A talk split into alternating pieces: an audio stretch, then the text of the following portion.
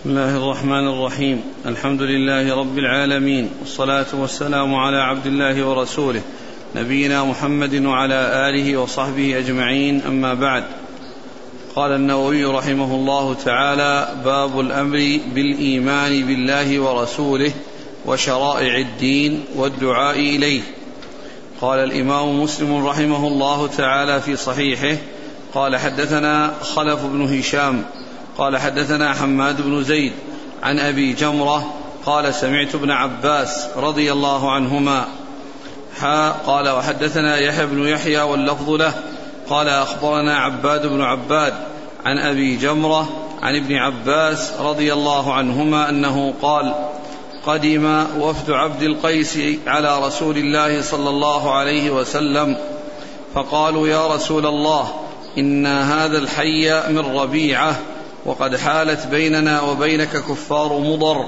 فلا نخلص إليك إلا في شهر الحرام. فمرنا بأمر نعمل به وندعو إليه من وراءنا. قال آمركم بأربع وأنهاكم عن أربع. الإيمان بالله ثم فسرها لهم. فقال شهادة أن لا إله إلا الله وأن محمدا رسول الله وإقام الصلاة وإيتاء الزكاة وأن تؤدوا خمس ما غنمتم وأنهاكم عن الدباء والحنتم والنقير والمقير. زاد خلف في روايته شهادة أن لا إله إلا الله وعقد واحدة. قال حدثنا أبو بكر بن أبي شيبة ومحمد بن المثنى ومحمد بن بشار وألفاظهم متقاربة. قال أبو بكر حدثنا غندر عن شعبة وقال الآخران حدثنا محمد بن جعفر قال حدثنا شعبة عن أبي جمرة قال كنت أترجم بين يدي ابن عباس وبين الناس فأتته امرأة تسأله عن نبيذ الجر فقال إن وفد عبد القيس أتوا رسول الله صلى الله عليه وسلم. فقال رسول الله صلى الله عليه وسلم من الوفد أو من القوم؟ قالوا ربيعة قال مرحبا بالقوم أو بالوفد غير خزايا ولا النداما قال فقالوا يا رسول الله إنا نأتيك من شقة بعيدة وإن بيننا وبينك هذا الحي من كفار مضر وإنا لا نستطيع أن نأتيك إلا في شهر الحرام. فمرنا بأمر فصل نخبر, نخبر به من وراءنا ندخل به الجنة. قال فأمرهم بأربع ونهاهم عن أربع. قال أمرهم بالإيمان بالله وحده. وقال هل تدرون ما الإيمان بالله؟ قالوا الله ورسوله أعلم. قال شهادة أن لا إله إلا الله وأن محمدا رسول الله وإقام الصلاة وإيتاء الزكاة وصوم رمضان. وأن تؤدوا خمسا من المغنم. ونهاهم عن الدباء والحنتم والمزفت. قال شعبة وربما قال قال النقير. قال شعبة وربما قال المقير. وقال احفظوه وأخبروا به من وراءكم. وقال أبو بكر في روايته من وراءكم وليس في روايته المقير. قال وحدثني عبيد الله بن معاذ. قال حدثنا أبي حا قال وحدثنا نصر بن علي الجهضمي قال أخبرني أبي قال جميعا حدثنا قرة بن خالد عن أبي جمرة عن ابن عباس عن النبي صلى الله عليه وسلم بهذا الحديث نحو حديث شعبة وقال أنهاكم عما ينبذ في الدباء والنقير والحنتم والمزفت. وزاد ابن معاذ في حديثه عن أبيه قال وقال رسول الله صلى الله عليه وسلم للأشج أشج عبد القيس إن فيك خصلتين يحبهما الله الحلم والأناة بسم الله الرحمن الرحيم. الحمد لله رب العالمين وصلى الله وسلم وبارك على عبده ورسوله نبينا محمد وعلى آله وأصحابه أجمعين. ما بعد فهذا الحديث عن ابن عباس رضي الله تعالى عنهما يتعلق بقصة وفد عبد القيس إلى رسول الله صلى الله عليه وسلم وسؤالهم إياه أن يأمرهم بأمر فصل يعملون به ويعلمونه من وراءهم ويدخلون به الجنة فأخبرهم النبي صلى الله عليه وسلم فأمرهم ونهاهم. فأمرهم بأن يعبدوا الله وحده لا شريك له أو أمرهم بالإيمان وفسر الإيمان بشهادة أن لا إله إلا الله وأن محمد رسول الله وإقام الصلاة وإيتاء الزكاة وصوم رمضان. ونهاهم عن أربع وهي الحنتم والنبيذ والحنتم والنقير والمقير والمزفت. آه، وهذه الأربع جاء في صحيح البخاري أنهم سألوه عنها. يعني فإجابة النبي صلى الله عليه وسلم إياهم مبني على سؤال سألوه. وقوله نهاهم عن أمرهم بالإيمان ثم فسر الإيمان هذا فيه تفسير تفسيره بالأمور الظاهرة. ومعلوم أن الإيمان يطلق على الأمور الظاهرة وعلى الباطنة. لكنه إذا جمع بين الإسلام والإيمان يفسر الإسلام بالأمور الظاهرة ويفسر الأمور الإيمان بالأمور الباطنة. كما جاء ذلك في حديث وفد عبد القيس لكنه إذا جاء مفردا فإنه يشمل الظاهرة ويشمل الباطنة وقد فسر الإيمان في حديث وفي حديث جبريل أن تؤمن بالله وملائكته وكتبه ورسله واليوم الآخر والقدر خيره وشره. ولكنه فسره هنا بأمور ظاهرة. وهذا يدلنا على أن الإيمان يفسر بالأمور الظاهرة والباطنة وأن الإسلام يفسر بالأمور الظاهرة والباطنة. وفي الحديث أن ابن عباس رضي الله عنه كان يترجم بين رسول وبين الناس. ومعنى يترجم أنه يبلغ الحديث لأن المجلس كبير والحاضرون كثيرون وهو يبلغ الناس كلام رسول الله صلى الله عليه وسلم.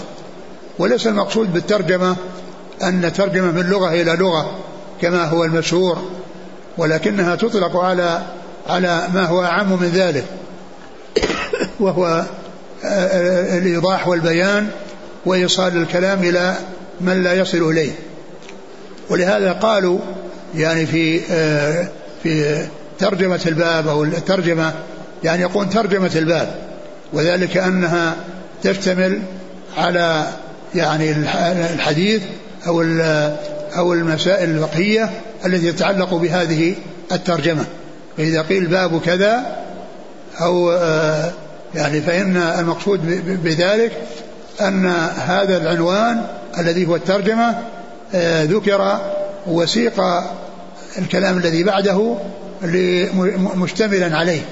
لا أن المقصود من ذلك أنه يعني يعبر من لغة إلى لغة وأنه يترجم من لغة إلى لغة وإنما يبلغ كلام رسول الله صلى الله عليه وسلم وهذا يقال له ترجمة. يعني بالمعنى العام لا بالمعنى الأخص الذي هو التحويل من لغة إلى لغة أو النقل من لغة إلى إلى لغة. وابن عباس رضي الله عنه كما جاء في يعني في البخاري أن الرسول عليه أن رسول الله صلى الله أن ابن عباس قال لأبي جرم جمرة الضبعي آه، يعني آه، آه، أنه يريد أن يعطيه شيئا من ماله ليتفرغ لإبلاغ الناس وللترجمة بينه وبين الناس. فكان يجلس معه على السرير كما في صحيح البخاري يعني ويبلغ كلامه. يعني بمعنى أن الرسول صلى الله عليه وسلم يتكلم ثم ابن عباس ثم أن ابن عباس يتكلم ثم أبو جمرة يعني آه، آه، آه، أبو جمرة يبلغ يبلغ كلامه. يعني الرسول عليه السلام يعني ابن عباس كان يحدث بحديث الرسول صلى الله عليه وسلم وطلب من أبي جمرة أن يجري يعني يعني يعطيه شيء من ماله ليبلغ عنه الناس. فكان ابن عباس يتكلم ويبلغ أبو جمرة حديثه حديثه إلى الناس. وأبو نعم أول حديث قال متى؟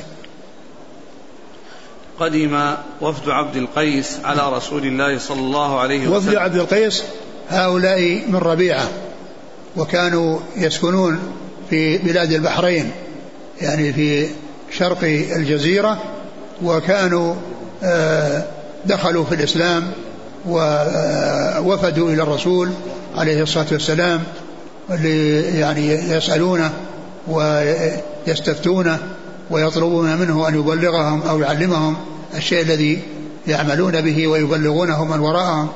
وأخبروا بأنهم لا يصلون إليه إلا في شهر حرام. وذلك أن بين بينهم وبين المدينة كفار مضر. الذين هم لا يزالون على كفرهم وهم يخشون أذاهم ولكنهم في الأشهر الحرم لا يتعرض بعضهم لبعض والكفار كانوا يعظمون الأشهر الحرم ولا يتركون القتال فيها. ولهذا آه قالوا أي وفد عبد القيس بيننا وبينك هذا الحي من كفار مضر وإننا لا نخلص إليك إلا في شهر حرام. لا نخلص إليك أي لا نستطيع الوصول إليك إلا في شهر حرام. ف فقدموا ومهدوا لطلبهم وحاجتهم إلى ما يعلمهم إياه رسول الله صلى الله عليه وسلم بهذا التمهيد واعتذروا بهذا العذر الذي لا يتمكنون فيه من التردد عليه بسبب هؤلاء الكفار الذين هم يعني آه، بينهم وبين المدينة بينهم وبين المدينة. لكن في الأشهر الحرم يعظمونها أي الكفار فهم لا يتعرضون لأحد فيها. لا يتعرضون لأحد فيها. وربيعة وعبد القيس هم من ربيعة وربيعة هو أخو مضر. ومضر وربيعة ابن نزار بن معد بن عدنان. يعني يلتقي تلتقي ربيعة مع نسب الرسول صلى الله عليه وسلم بنزار وربيعة هو أخو مضر وكل منهما ولد نزار ابن معد بن عدنان. فقال إنها كفار مضر لأن هؤلاء الذين هم يعني أعداء لهم ويؤذونهم ولا يخلصون أو يستطيعون الذهاب إلا في شهر حرام يعني هم من مضر وهؤلاء من ربيعة. والأشهر الحرم كما هو معلوم هي أربعة كما جاء ذلك في القرآن. إن عدة عند الله 12 شهرا في كتاب الله يوم خلق السماوات والأرض منها أربعة حرم منها أربعة حرم. وهذه الأربعة الحرم فسرها رسول الله صلى الله عليه وسلم بأن هذه القعدة وذي الحجة والمحرم وهذه ثلاثة مسرودة ورجب الذي يقع في يعني في آه، بين جمادى وشعبان آه، فهي ثلاثة سرد وواحد فرد. ولهذا يقولون لرجب رجب الفرد لأنه منفرد عن الأشهر عن بقية الأشهر الحرم لأن ثلاثة مسرودة ورجب منفرد. ولهذا يقال له رجب الفرد. ويقولون عنها جميعا ثلاثة سرد وواحد فرد. ثلاثة سرد وواحد فرد. وقد صارت هذه الأشهر الحرم التي حرمها الله شهر الحج وشهر قبله وشهر بعده. شهر الحج وشهر قبله وشهر بعده. شهر الحج يؤدي الناس فيه الحج. والشهر الذي قبله يذهبون فيه للحج والشهر الذي بعده يرجعون فيه من الحج. فحرمت هذه الأشهر الثلاث المتصلة. آه وحرم أيضا هذا الشهر المنفرد الذي هو شهر رجب. فسرها بذلك رسول الله عليه الصلاة والسلام كما جاء في الحديث اللي في الصحيحين آه، وفيه أن أنه قال يعني ذي القعدة وذي الحجة والمحرم وشهر وشهر رجب. وهذه الأشهر كما هو معلوم غير أشهر أشهر الحج لأن أشهر الحج هي التي يؤدى بها الحج. التي يؤدى بها الحج ويحرم بالحج فيها وهي يعني أول تبدأ وهي سبعون سبعون ليلة تبدأ أول ليلة فيها في ليلة عيد الفطر وآخر ليلة فيها ليلة عيد الأضحى فهي منحصرة بين ليلتي عيد يعني أولها ليلة عيد وآخرها ليلة عيد وهي سبعون. سبعون سبعون يوما أو سبعون ليلة و آه والإحرام يكون فيها والإحرام يكون فيها يعني عقد الحج يكون في هذه الأشهر الحرم في هذه الأشهر الحج في أشهر الحج. وإذا طلع الفجر من يوم عرفة من ليلة من ليلة العيد ليلة عيد الأضحى فإن الحج لا قد انتهى. لا مجال للحج في تلك السنة التي طلع فيها الفجر من يوم عرفة من ليلة العيد. وإنما يكون الفرض فيها. ولهذا قال الحج أشهر معلومات فمن فرض فيهن الحج. يعني معناه يدخل في الحج. وأما بعد طلوع الفجر فلا يفرض الحج.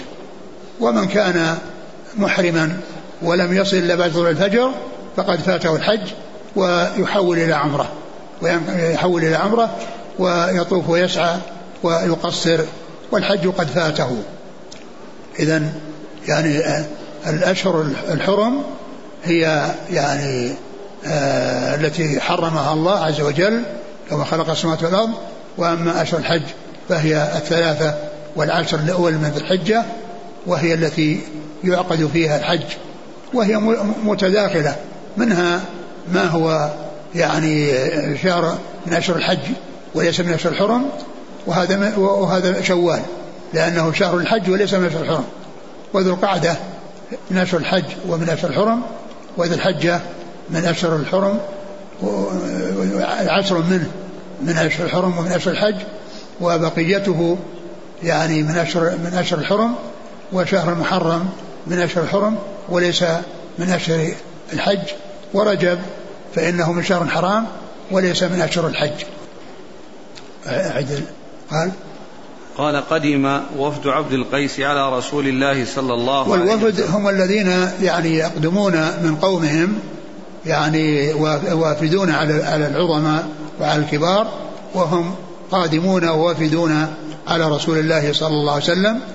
يعني اختاروهم ليذهبوا إلى الرسول عليه الصلاة والسلام ويفدون إليه في يعني في شهر حرام ليأخذوا منه وليتلقوا منه الحق والهدى ويرجعون به إلى قومهم. وهم ممن سبق إلى إلى الإسلام الذين هم وفد عبد القيس الذين هم عبد القيس اللي في البحرين. نعم. أحسن الله إليك. هل عين القدوم هذا متى كان؟ لا شك أنه قبل الحج لأن الحج لا ذكر له للحج لا ذكر فيه للحج وإنما كان ذلك قبله. نعم. يعني من حيث السنين قبل قبل, قبل أن يفرض الحج. قبل الحج نعم. ومن حيث الأشهر؟ ما أدري. لكنه في شهر الحرام يعني يمكن أن يكون في يعني في الثلاثة المسرودة في السنة المسرودة أو في رجب الفرد. كان قدومهم مرة واحدة؟ هو الذي يظهر. القدوم. هو الذي يظهر لأنها قصة واحدة وكلها تدور على يعني آه، آه، آه، أمور معينة بينها لهم رسول الله صلى الله عليه وسلم. قدم وفد عبد القيس على رسول الله صلى الله عليه وسلم فقالوا يا رسول الله إن هذا الحي من ربيعة وقد حالت بيننا وبينك كفار مضر فلا نخلص إليك إلا في شهر الحرام فمرنا بأمر نعمل به وندعو إليه من وراءنا. قال آمركم بأربع وأنهاكم عن أربع الإيمان بالله ثم فسرها لهم فقال شهادة أن لا إله إلا الله وأن محمدا رسول الله وإقام الصلاة وإيتاء الزكاة. وأن تؤدوا خمس ما غنمتم. لا في صيام رمضان؟ لا. نعم. نعم. وأن تؤدوا خمس ما غنمتم. وأنهاكم عن الدباء والحنتم والنقير والمقير. يعني ذكر يعني هذه الأربع ويعني كان يعني منها صيام رمضان. لأن صيام رمضان فرض في السنة الثانية من الهجرة. والرسول صلى الله عليه وسلم صام تسعة رمضانات. تسعة رمضانات. ففسره بهذه الأربع التي هي يعني يعني كما جاء في رواية شهر رمضان وأن تؤدي الخمس هذه زائدة يعني عن الأربع. وذلك أن أن الأربع لازمة هي الشهادتان والحج وصيام والصلاة والزكاة وصيام رمضان. هذه لازمة المكلفين. وأما تأدية الخمس فإن هذه زائدة وإنما قال لهم لأنهم يعني بصدد أن يجاهدوا وأن المجاهدين عندما يحصلون الغنائم فأربعة أخماس الغنائم تكون للغانمين والمجاهدين وأما الخمس فإنه يعني يدفع إلى الإمام ويصرفه في المصارف التي بينها الله عز وجل في قوله واعلموا أن ما غنمتم شيء فأن لله خمسة. ف فذكر الخمس وتأدية الخمس هذا ليس لكل أحد ولهذا جاء التعبير بقوله وأن تؤدوا الخمس من المغنم. ما جعلها مثل الأول يعني شهادة الله وأن محمد رسول الله وإقام الصلاة وإيتاء الزكاة بل ما قال وتأدية الخمس المغنم قال وأن تؤدوا الخمس. يعني معناه أن هذا شيء زائد ولكنه خطب به أولئك لأنهم بصدد أن يجاهدوا لا سيما وقد ذكر أن بينهم أنه ذكروا أنه بينه وبين رسول بينهم وبين رسول الله صلى الله عليه وسلم هذا الحي المضر للكفار الذين يعني آه، بصدد أن يقاتلوهم وإذا غنموا منهم شيئا فإنهم يؤدون الخمس. ولهذا يعني فإن هذا يدل على أن الأعمال من الإيمان. ولهذا ترجم البخاري رحمه الله في كتاب الإيمان باب أداء الخمس من الإيمان. باب أداء الخمس من الإيمان. لأنه يعني فسر الإيمان بذلك ولكنه آه، لا يكون لكل مكلف وإنما يكون للمجاهدين الغانمين يؤدون الخمس ويتولى الإمام آه، قسمته وتوزيعه كما ذكر الله عز وجل ذلك ذكر الله عز وجل ذلك في كتاب في سورة الأنفال. نعم. هنا يعني في هذه الرواية لم يذكر الصيام لكن الرواية القادمة فيها الصيام. نعم. يعني في مع بعض يعني بعض الرواة. يعني هذا من من تصرف بعض بعض الرواة. ليس من حديث الرسول صلى الله عليه وسلم أو أن الرسول صلى الله عليه وسلم جاء عنه هذا وجاء عنه هذا وإنما جاء عنه في الأربعة. مضافا إليها الخمس وهو زائد على الأربعة. وهو زائد على الأربعة. وإلا فإن العدد يكون أكثر المعدود يكون أكثر من العدد. والعدد أربع والمعدود أربع فلو كان أداء الخمس يعني معدودا لكانت خمسة بدل الأربعة. ولكنه ذكر الأربع التي هي لازمة للمكلفين وذكر بعدها وأن تؤدي الخمس المغنم الذي هو يتعلق بالمجاهدين. ولهذا أفرده بالصيغة بقوله وأن تؤدوا وأن تؤدوا الخمس من المغنم. نعم. وأنهاكم. عن الدباء والحنطة وأنهاكم وهذا جاء في البخاري أنهم سألوه عن يعني هذه الأوعية عن أوعية فالرسول صلى الله عليه وسلم نهاهم عن الدباء. والدباء المقصود به القرع الذي كانوا يستخرجون لبها ويتركون غلافها ويلبسونه فيكون وعاء يعني يكون فيه النبيذ ويكون فيه الحليب. ويكون فيه اللبن وغير ذلك مما يستعملون الأوعية له. فالدبة يستخرجون لبها وينقرونها حتى لا يبقى إلا جلدها الغلاف الخارجي. ثم يلبسونها فتكون وعاء فتكون وعاء. نعم. الدباء والحنتم. والحنتم هي الجرار من الفخار. قيل إنها جرار يعني مطلقة يعني ليس لها ألوان معين وقيل إنها جرار خضر. نعم.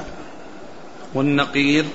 والنقير هو يعني جذع النخل يعني ينقرون ينقرون وسطه وتبقى يعني جوانبه يعني و يعني يستخرجون الكرب والأشياء التي في الخارج وينقرون وسطه. فيكون وعاء ينبذون فيه. ينبذون فيه يعني آه، الأنبذة التي مثل التمر ومثل الزبيب وغيرها فيضعون عليها الماء ويتركونها مدة ويتركونها مدة. فالرسول عليه الصلاة والسلام نهاهم أن يعني ينبذوا في هذه الأوعية لسماكتها ولمتانتها وغلظها وقسوتها. وذلك أن أنهم يعني إذا وضعوا فيها قد يصل تصل إلى حد الإسكار فيشربون مسكرا. وذلك أن هذه لا يظهر على يعني ظهرها وعلى خارجها. لو حصل فيها فساد وتخمرت صارت خمرا لا يظهر على ظاهرها. فكان يأمرهم بأن يستعملوا الجلود لأن الجلود لينة ورقيقة وإذا يعني تخمر الذي في داخلها يعني يظهر على سطحها. إما تتشقق وإما يظهر يعني لون يعني آه، يدل على فساد ما في داخلها. بخلاف هذه الأشياء فإنها لو فسد ما يدرون عنه. لو فسد وتخمر لا يعرفون لأنه لا يظهر على سطحه. لا يظهر على سطحه مثل ما يظهر على سطح الجلود. فالنقير فكانوا يأخذون الجذع من النخل ويزيلون الخشب الكرب الذي في الخارج ويصير يعني أملس نظيف ثم ينقرون في وسطه حفرة وينبذون فيها. والمزفت والمقير. والمقير هو المزفت. يعني المقير هو يعني الاطلاع يطلقونه بالزفت فيعني يعني يصير آه يعني فيه سماكة. وفيه يعني غلظ مثل النقير ومثل الجرار من الفخار ومثل الدبة. نعم. وهذا النهي؟ وهذا النهي كان في أول الأمر. كان في أول الأمر ثم إنه جاء في صحيح مسلم ما يدل على نسخه وهو أن النبي عليه الصلاة والسلام ذكر أمور ثلاثة ذكر فيها الناسخ والمنسوخ قال إن كنت نهيتكم عن زيارة القبور فزوروها. وكنت نهيتكم عن ادخار لحوم الأضاحي فوق ثلاث فادخروا. وكنت نهيتكم عن الانتباه في أوعية فانتبذوا في كل وعاء ولا تشربوا مسكرا فانتبذوا في كل وعاء ولا تشربوا مسكرا لأنه كان هذا في أول أمر. وبعد ذلك وبعد أن يعني آه، استقر الأمر وهم يعني عرفوا آه، يعني آه، ما يلحق به ضار وما يلحق ضار فإنهم يحتاطون ويشربون الشيء قبل أن يصل إلى حد الإسكار. يعني يتركونه مدة وجيزة لا يصل فيها إلى حد الإسكار فيشربونه. وبعض أهل العلم قال إن الحكم باقي أن الحكم يعني باق وأنه غير منسوخ لكن الحديث واضح في نسخه وهو في صحيح مسلم من حديث بريدة بن الحصيب رضي الله تعالى عنه. وهذا هو السر في كونه يعني نهاهم أولا لأنه كان في أول الأمر ويعني فنهوا عن أن يستعملوا هذه التي قد يسرع إليها الإسكار وأنهم قد يشربون مسكرا لكن لما استقرت الأمور وعرفوا يعني آه، آه، واعتادوا يعني الابتعاد عن الخمر وعدم التعرض لشربها جاء النسخ. وبعض أهل العلم يقول أنه باقي الحكم وأنه غير منسوخ. ويظهر من حديث ابن عباس الذي سيأتي الذي سألته المرأة أنه أفتاها يعني عن هذه يعني أفتاها بما حصل في قصة وفاة عبد القيس. نعم. زاد خلف في روايته شهادة أن لا إله إلا الله وعقد واحدة. شهادة أن لا إله إلا الله وعقد واحدة. الأول وشو؟ شهادة أن لا إله إلا الله وأن محمد رسول الله أول أول حديث. الإيمان بالله ثم فسرها لهم فقال شهادة أن لا إله إلا الله وأن محمدا رسول الله. يعني زاد يعني خلوا شهادة لا إله إلا الله وعقد واحدة. يعني واحدة التي يعني هي من آه الأربع. لا لا واحدة التي يعني تعتبر من الأربع الإصبع الخنصر. فإنه هو الذي عقد يصير واحدة نعم. عقد واحدة في في خنصره نعم. الرواية الثانية قال كنت أت... عن أبي جمرة قال كنت أترجم بين يدي ابن عباس وبين الناس فأتته امرأة تسأله عن نبيذ الجر. يعني هذا يعني كان يترجم يعني بين الناس وبين بين ابن عباس وبين الناس فجاءته امرأة. تسأله عن نبيذ الجر فذكر حديث ابن عبد القيس. وما ذكر فيه النسخ. وما وبين أن هذا شيء موجود وأن هذا باقي وأن هذا باقي. نعم. نسأل تسأل عن نبيذ الجر. فقال الجر الذي هو الجرار التي من الفخار. نعم. فقال, فقال إن, إن وفد عبد القيس أتوا رسول الله صلى الله عليه وسلم فقال رسول الله صلى الله عليه وسلم من الوفد أو من القوم؟ هذا سؤال سألت عن الجر فأجابها بالدليل. فأجابها بالدليل. وأن وفد عبد القيس جاءوا إلى النبي صلى الله عليه وسلم قال وسألوه. جاء وفد صلى الله عليه وسلم فقال صلى الله عليه وسلم من الوفد؟ يعني قالوا ربيعة. فقال صلى الله عليه وسلم إنا نأتيك بعد ذلك. ليش؟ سيأتي بعد أن رحب بهم, بهم غير خزايا ولا الندامة. قال فقالوا يا رسول الله إنا نأتيك من شقة بعيدة وإن بيننا وبينك هذا الحي من كفار مضر وإنا لا نستطيع أن نأتيك إلا في شهر الحرام فمرنا بأمر فصل نخبر به من وراءنا ندخل به الجنة. هذا مثل اللي قبله إلا أنه ما في ذكر ذكر السؤال لكنه جاء في صحيح البخاري. في نفس الحديث عن ابن عباس أنهم سألوه عن أوعية عن الانتباه في أوعية فقال كذا وكذا. يعني كلام الرسول صلى الله عليه وسلم لهم لم يكن ابتداء يعني وإنما يعني سألوه عن هذه الأشياء فأجابهم عليه الصلاة والسلام بناء على أسئلتهم. يعني معناه أن هذه الأوعية يعني أخبروا بأنهم يعني يستعملونها وسألوا عنها فالرسول صلى الله عليه وسلم نهاهم نهاهم عن ذلك. فإذا هذا الجواب من الرسول صلى الله عليه وسلم لهم مبني على سؤال كما جاء ذلك في حديث ابن عباس في صحيح البخاري باب أداء الخمس من الإيمان. أوله؟ هو سيأتي في حديث أبي سعيد الخدري. نعم. أنه لا لا نفس حديث ابن عباس أيضا موجود فيه سؤال في صحيح البخاري. أعد أتى أتى صلى الله عليه وسلم فقال صلى الله عليه وسلم من الوفد أو من القوم؟ قالوا وهذا فيه دليل على أن ال ال الوافد يعني يسأل يعني يعني من أين هو ومن يعني من أي جهة جاء لأن الرسول قال من الوفد؟ لأنه يعني آه، فأخبروه بأنهم يعني الحي من إنهم من الحي حي من ربيعة حي من ربيعة. قال من الوفد؟ نعم. قالوا ربيعة. وهذا في دواء سؤال يعني دليل على أن الوافد أو الذي لا يعرفه الإنسان إذا جاء يسأله عن حاله. يعني إما أن يكون وفدا فيقول من الوفد يعني من أي جهة جئتم أنتم وافدون من أي جهة أو يكونون يعني يسأل عن أسمائهم حتى يعني حتى يعرفهم. لأن جابر رضي الله عنه كما جاء في الحديث الطويل في صفة حج الرسول صلى الله عليه وسلم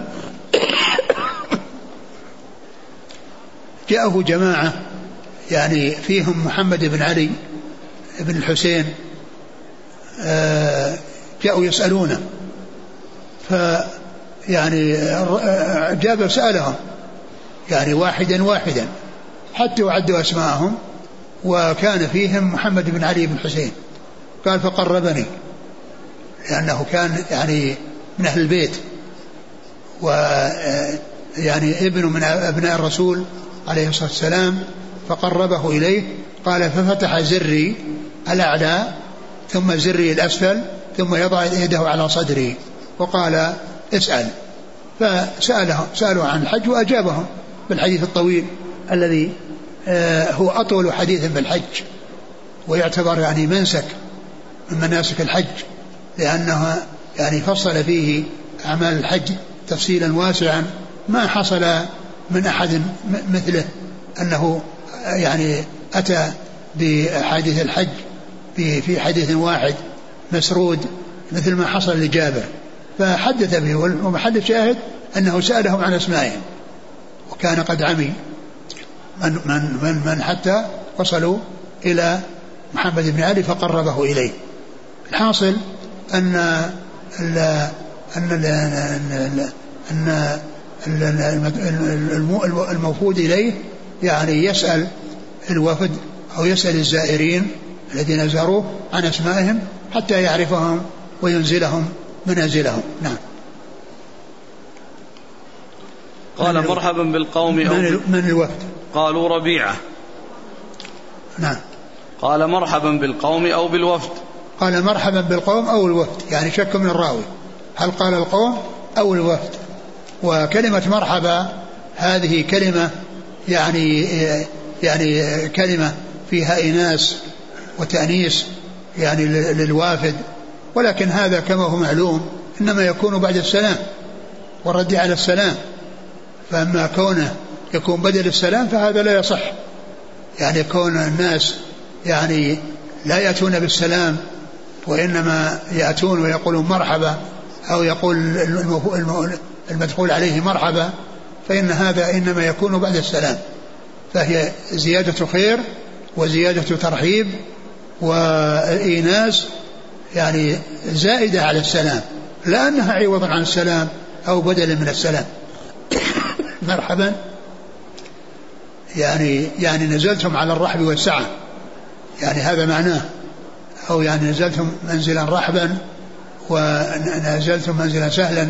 كما يقال أهلا وسهلا. نعم.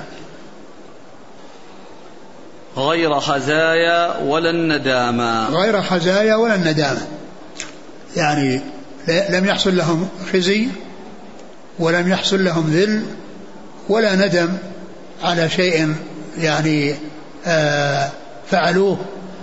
وإنما يعني هم من أول من دخل في الإسلام هم من أول من دخل الإسلام ووفدوا إلى الرسول صلى الله عليه وسلم يطلبون منه أن يعلمهم. ولهذا قال مرحبا بالوفد غير خزايا ولا الندامة. نعم. قالوا فقالوا يا رسول الله إنا نأتيك من شقة بعيدة وإن بيننا وبينك هذا الحي شقة بعيدة من مكان بعيد وبيننا وبينك كفار من كفار مضر. يعني فهذا يعني اعتذار اعتذار من عدم ترددهم وأيضا يعني من أجل آه، الاهتمام بأن يحدثهم بأشياء يبلغون يعملون بها ويبلغونها من وراءهم. لأن ذكرهم هذا الشيء وتمهيدهم وأن بينهم وبين كفار مضر وأنهم لا يخلصون إلا في حرام يعني معنى ذلك أن هذا اعتذار منهم. ويطلبون منه أن يعني يذكرهم ويبين لهم من أمور الدين ما يحتاجون إليه ليعملوا به وليبلغوه من وراءهم. نعم. وإن بيننا وبينك هذا الحي من كفار مضر وإنا لا نستطيع أن نأتيك إلا في شهر الحرام فمرنا بأمر فصل نخبر به من وراءنا ندخل به الجنة.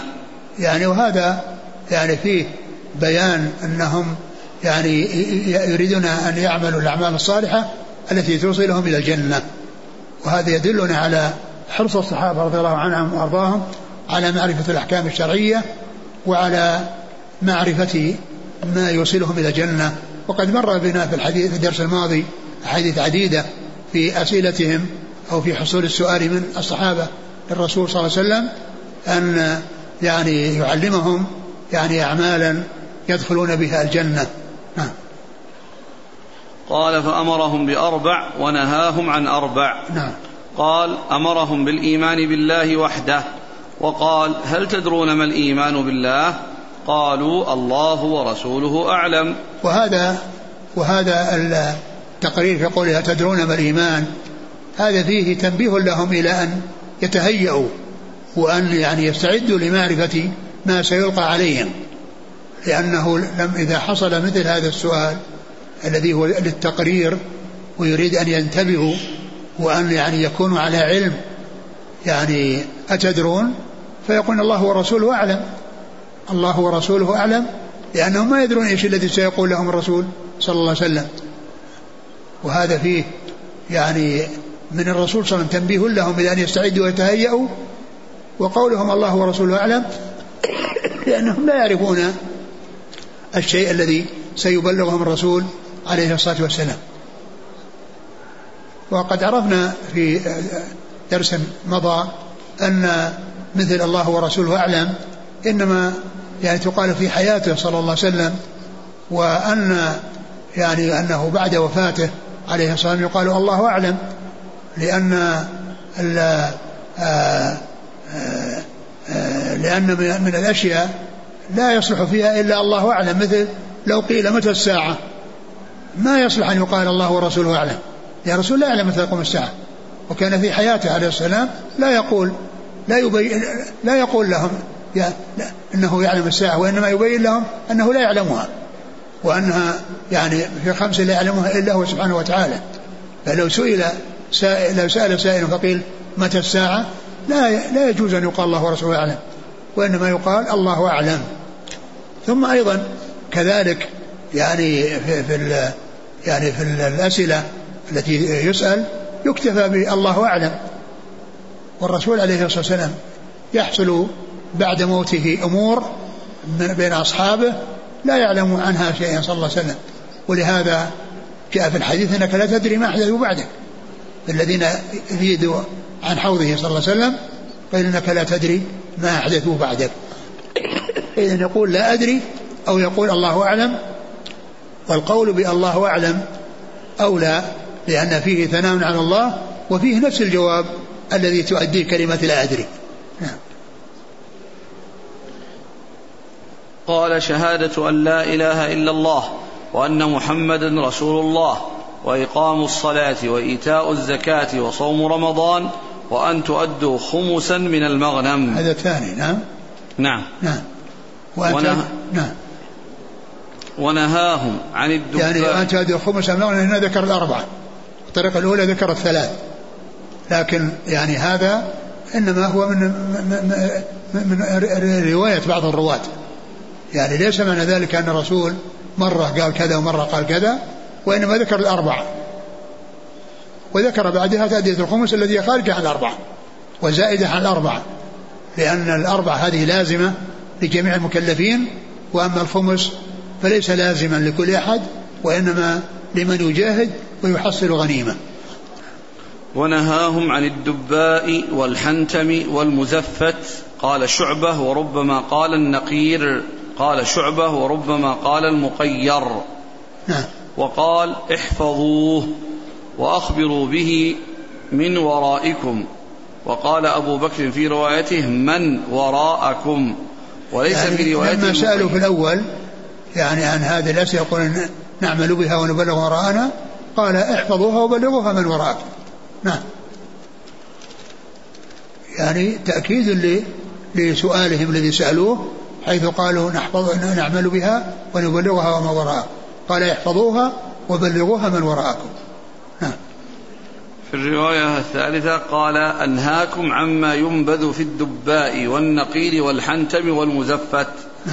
وزاد ابن معاذ في حديث عن أبي قال صلى الله عليه وسلم للأشج أشج عبد القيس إن فيك خصلتين يحبهما الله الحلم والأناة ثم ذكر يعني هذا الثناء على يعني أشج عبد القيس وهو المنذر بن عائذ ويقال له الأشج شجة في وجهه يعني آه، صارت يعني علامة عليه فقال إن فيك خصلتين يحبهما الله الحلم والأناد.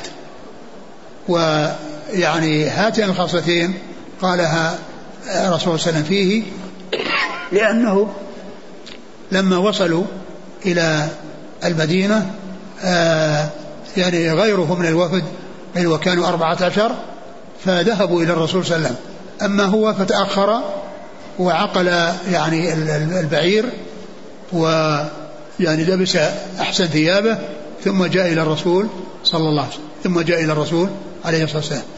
ولما آه، سألهم يعني عن أنهم يعني آآ آه، آآ آآ يعني هذه الأمور التي يبلغهم إياها أنهم يلتزمون بها ويلتزم بها من وراءهم.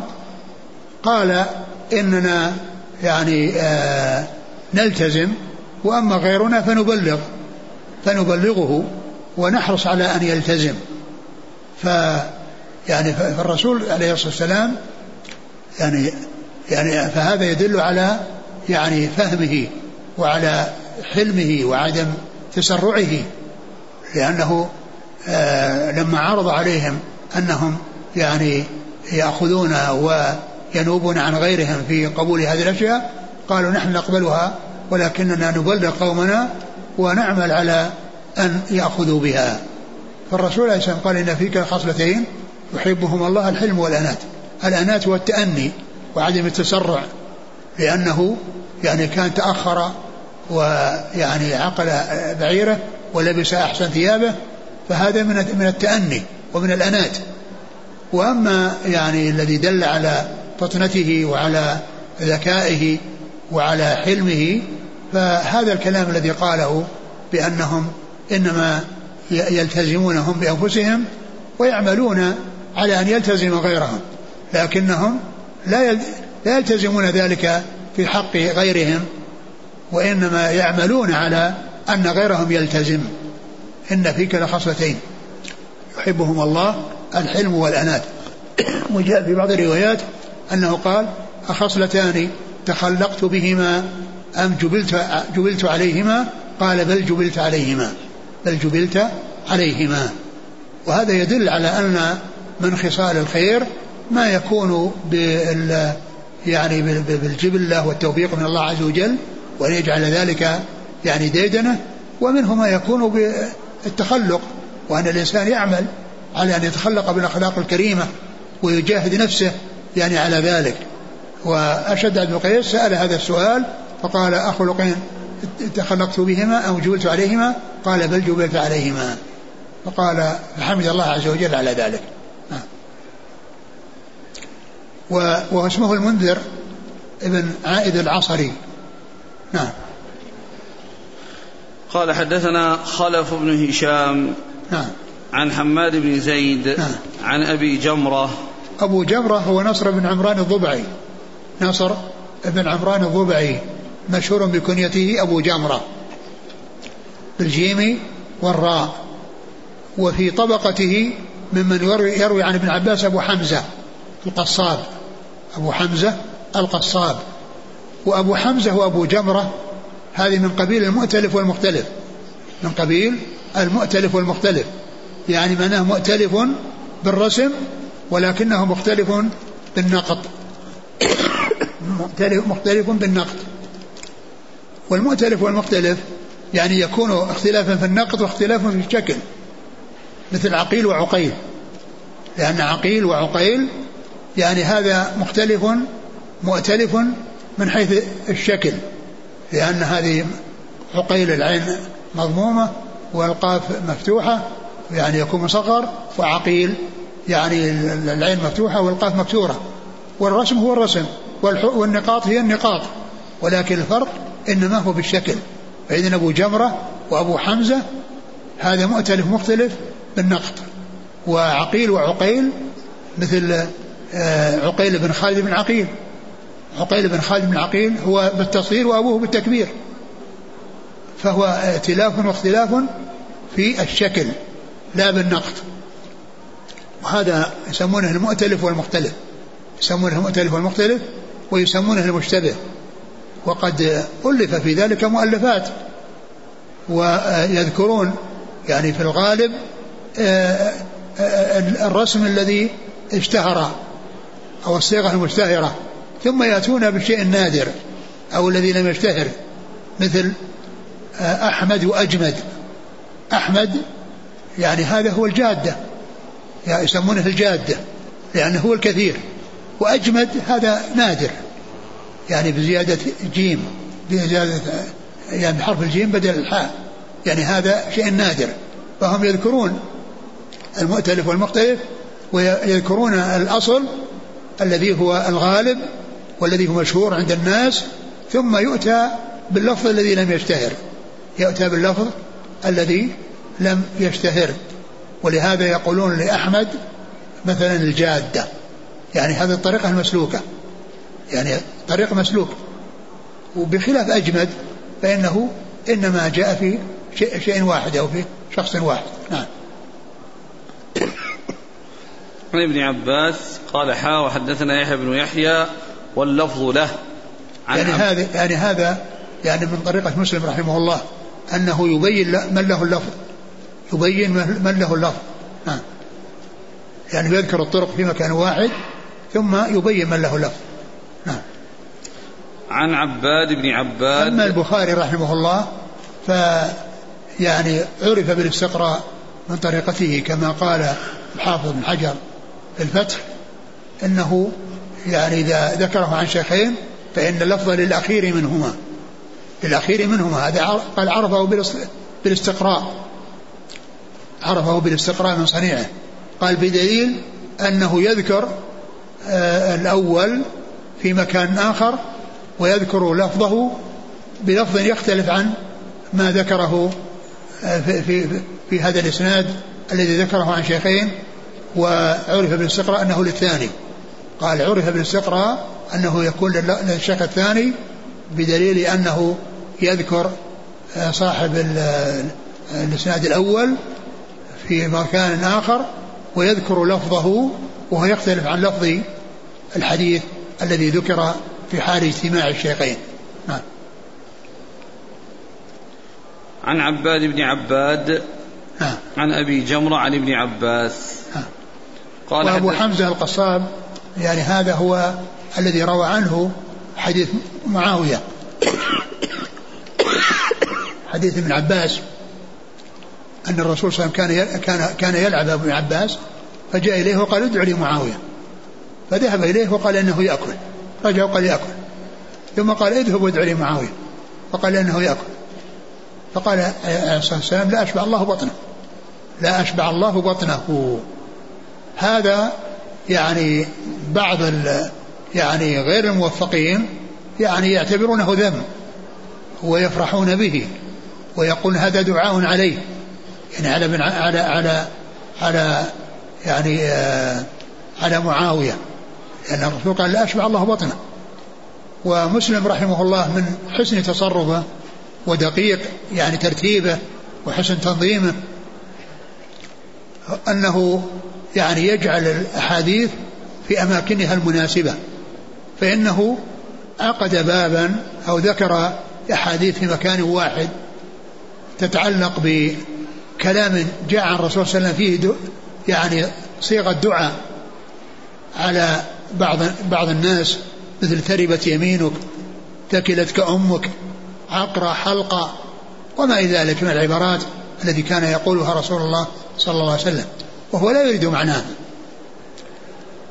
فذكر الأحاديث المتعلقة بهذا الباب.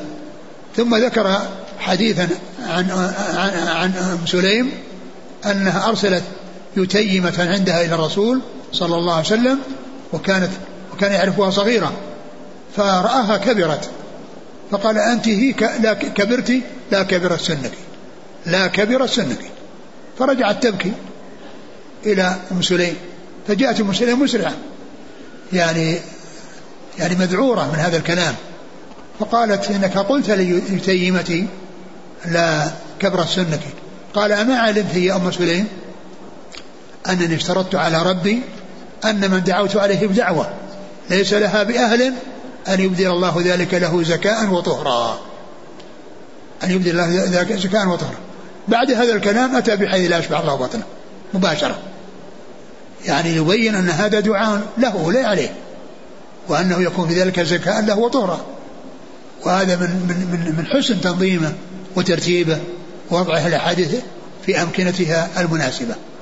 أبو حمزة القصاب هو الذي روى عن ابن عباس هذا الحديث. والحاصل أن أبو حمزة وأبو جمرة من قبيل المؤتلف والمختلف. نعم. قال حدثنا أبو بكر بن أبي شيبة ومحمد بن المثنى ومحمد بن بشار وألفاظهم متقاربة. قال أبو بكر حدثنا غندر عن شعبة وقال الآخران حدثنا محمد بن جعفر قال حدثنا شعبة. ثم ذكر يعني ذكر هذا الإسناد الثاني ذكر عن هذا الثلاثة. قال ألفاظهم متقاربة. ألفاظهم يعني في المتن متقاربة. ولكنه يعني فرق بينهم في العبارة. فقال أبو بكر حدثنا؟ قال حدثنا أبو بكر ومحمد المثنى ومحمد البشار وألفاظ متقاربة. قال أبو بكر حدثنا غندر عن شعبة. والثاني الآخران قال حدثنا محمد بن جعفر قال حدثنا شعبة. يعني ذكر الفرق بين هؤلاء بأن الأول قال حدثنا غندر. يعني ذكر شيخه بلقبه. وأما الآخران فذكروه باسمه ونسبه. فقالوا محمد بن جعفر. فإذا فرق بينهما لأن لفظ هذا غندر ولفظ هذا هذان آه لفظ يعني هذين آه الآخرين أنه محمد بن جعفر. ومحمد بن جعفر اسم وذاك لقب. ثم أيضا الفرق بينهما أن أن أن الذي روى عن الأول روى عن غندر قال عن عن شعبة. وأما الآخران فقال أخبرنا ولا حدثنا شعبة. قال حدثنا شعبة. حدثنا شعبة. يعني تعبير الآخر الآخرين حدثنا وتعبير الأول عن.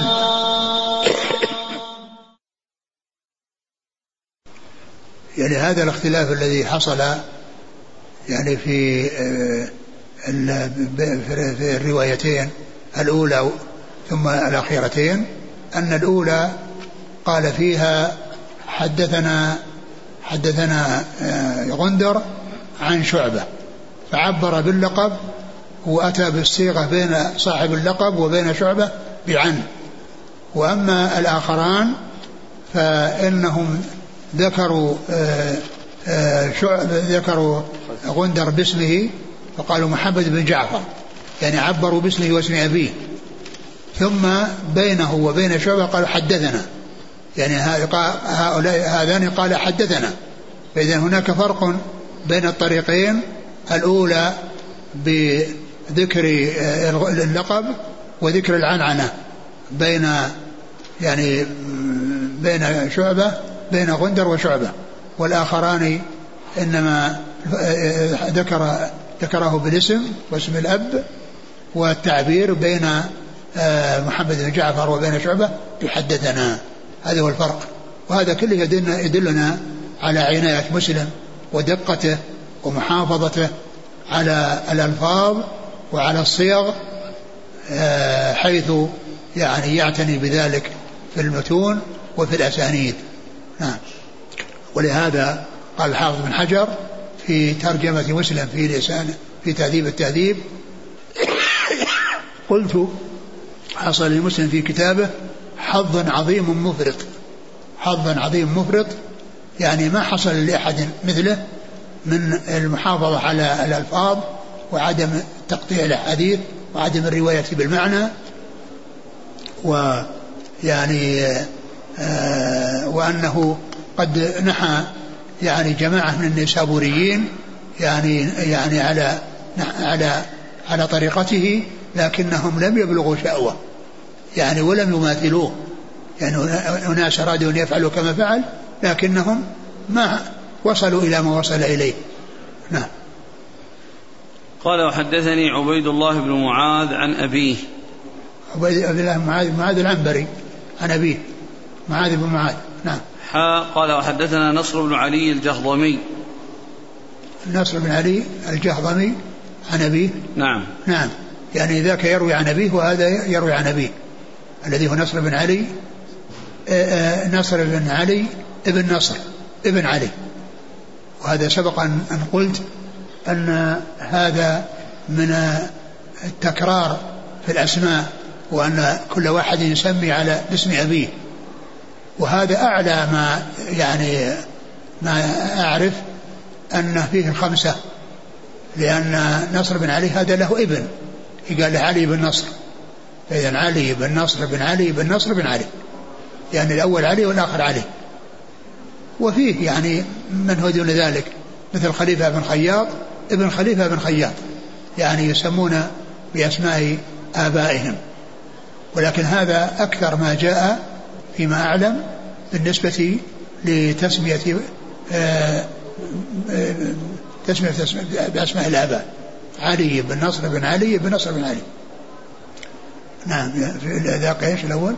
قال عبيد الله بن معاذ عن أبيه. نعم. قال حا وحدث نصر بن علي الجهضمي عن أبيه. نعم. قال جميعا حدثنا قرة بن خالد. قال جميعا اللي هم الآباء. يعني هم معاذ بن معاذ ويعني علي بن نصر. نعم. عن قرة بن خالد عن أبي جمرة عن ابن عباس.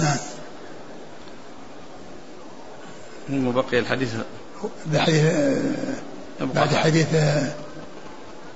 حديث حديث أبي سعيد نعم والله أعلم وصلى الله وسلم وبارك على عبده ورسوله نبينا محمد وعلى آله وأصحابه أجمعين. جزاكم الله خيرا وبارك الله فيكم ألهمكم الله الصواب ووفقكم للحق شافاكم الله وعافاكم ونفعنا الله بما سمعنا وغفر الله لنا ولكم وللمسلمين أجمعين آمين. آمين